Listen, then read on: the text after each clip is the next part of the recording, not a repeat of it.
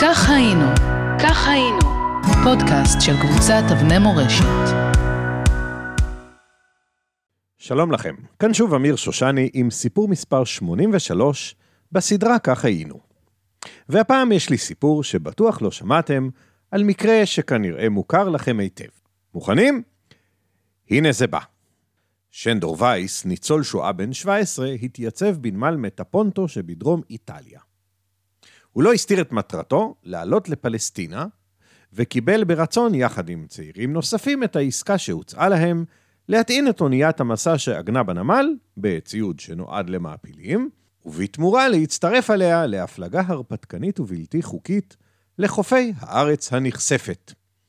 הצעיר התמים מילא את חלקו בעסקה רק כדי לראות את הספינה מפליגה לדרכה כשהוא עדיין עומד על הרציף. הוא כמובן היה די מאוכזב מהבגידה וארגן מיד שביתה מקומית. מנהלי האתר, שהיו מנוסים בהרבה מהשובתים הצעירים, הציעו להם עסקה חדשה. הנה, הם אמרו להם, עוד אונייה מגיעה. אותו נוהל, תעמיסו, ובתמורה תזכו להצטרף להפלגה לפלסטינה. שנדור וחבריו, למודי ניסיון מר, רצו לסרב, אבל לא היו להם יותר מדי ברירות, ובחוסר אמון מופגן, הם נעתרו לעסקה החלופית. שוב מילא הצעיר התמים את חלקו בעסקה, ושוב הוא ראה בעיניים כלות את הספינה, מפליגה לדרכה כשהוא עדיין עומד על הרציף. הכעס, באופן טבעי, עלה על גדותיו. במקום פרצה מהומה זוטה, אולם אחרי שעה וכמה צעקות, יש אומרים שאפילו הונפו שם כמה אגרופים קפוצים, הופיעה ספינה קטנטונת בנמל. ממש קליפת אגוז. תעלו, תעלו, אמרו המארגנים לצעירים המופתעים. יוצאים לפלסטינה. חסרי אמון, וגם חסרי ברירה, יש להודות, עלו הצעירים על הסיפון וקיוו לטוב. יחד איתם עלו על הסיפון עוד 173 אנשים. סערה גדולה התפתחה מחוץ לנמל, אבל קליפת האגוז יצאה לדרכה. חמישה ימים היטלטלה הקליפה בים, ולפתע, ההפתעה, מולה צפה הספינה שברחה להם מנמל מטפונטו. סירות ירדו למים, קליפת האגוז, אגב, קראו לה אלברטינה, הורידה את נוסעיה ונעלמה בהפלגה חרישית אל החושך. בספינה הגדולה קיבלו 660 הנוסעים את תוספת הנוסעים המשמעותית ברצון, למרות שגם ככה היה להם די צפוף. ככה זה כשהמטרה מקדשת את האמצעים. ההפלגה האמיתית עמדה לצאת לדרך. למפקד הספינה, בחור בן 24 שנים, הייתה זו הפלגה ראשונה מהסוג המסוכן. אבל הוא היה די בטוח בעצמו, יש להודות. הוא נולד כשהוא נושא את השם דוד וסרמן, וידע כבר מילדות ששם משפחתו הולם אותו מאוד. לפיכך, ויגיע יומו לעמוד על דעתו, הוא המיר את השם וסרמן, שזה איש מים ביידיש למי שלא יודע, למימון, מלשון מים. למרות חוסר ניסיונו, הוא היה פיקח מאוד ובעל חשיבה מקורית ושונה. הוא גם לא היה צייתן מי יודע מה, אבל ההיסטוריה תשפוט לימים שבדרך כלל הוא צדק. מאז תחילת 1946 ניסו 26 ספינות לפרוץ את המצור הימי על חופי הארץ. שתיים מתוכן קיבלו רשות להיכנס, וסיפרתי לכם עליהן, ורק אחת הצליחה לפרוץ את המצור. 23 האחרות נתפסו עד האחרונה שבהן. לדוד לא הייתה כל כוונה להיתפס בלב ים, וכיוון שהסיכויים היו נגדו במובהק, הוא נדרש לחשיבה מקורית ושונה. בתיאום עם המפקדה בחר דוד בנתיב שיט לא צפוי, שהצריך שיוט ארוך יותר, אבל הביא את הספינה אל חופי הארץ מכיוון דרום, ולא מכיוון צפון, שם ציפו לה הבריטים. אבל דוד מימון לא הסתפק בכך. הוא חשד, ולימים התברר שצדק, כי התשדורות המוצפנות מהספינות, ואליהן, מנוטרות ומפוענחות ועוזרות לבריטים לאתר את מיקומן. לפיכך, בניגוד להוראה מפורשת של אה, ההנהלה, הוא הורה לאלחוטן שלו, אריה חייקינד, לשמור על דממת אלחוט מוחלטת, להתעלם מהדרישות התכופות לדווח על מיקום הספינה, ולהסתפק בהאזנה בלבד באמצעות מכשיר הקשר המיוחד שסיפקה לו יחידת הגדעונים. ההימור הצליח בגדול.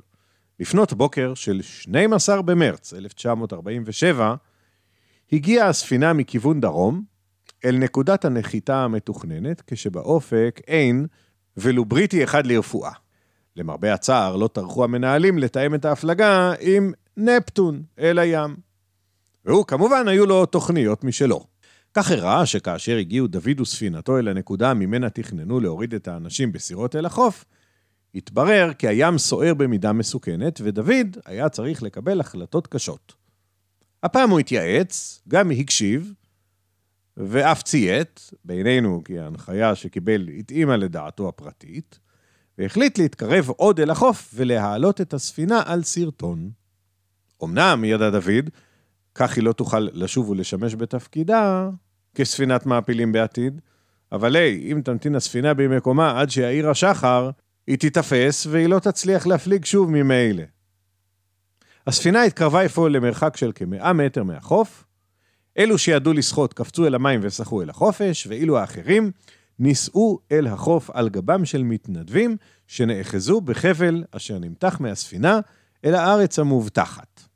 מול הים נאספו במהלך הערב כאלף אנשים מכל יישובי הדרום. על כל שאלה שתשאלו, אמרו להם, עליכם להשיב במשפט אחד.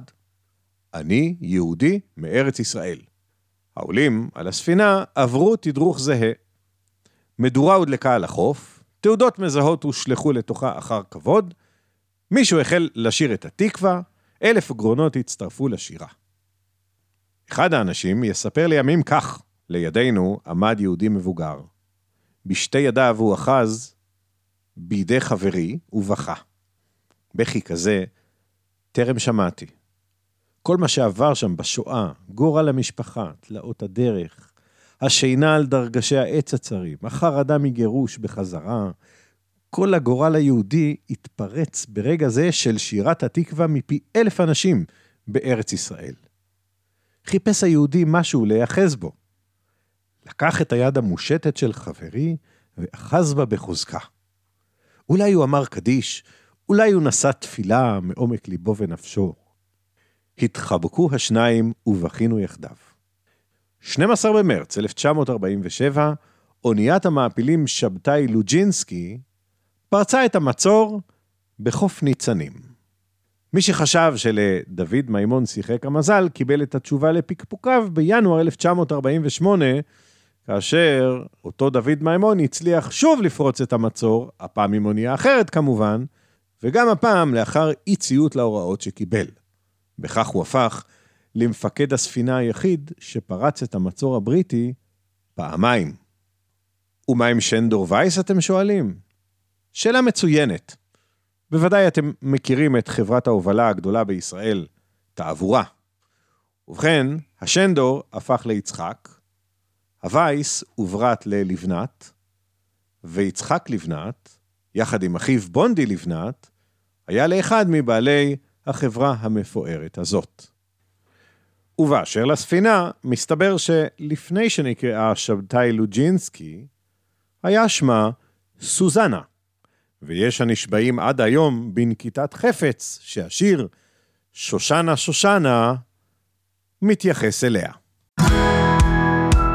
כך היינו, כך היינו, פודקאסט של קבוצת אבני מורשת.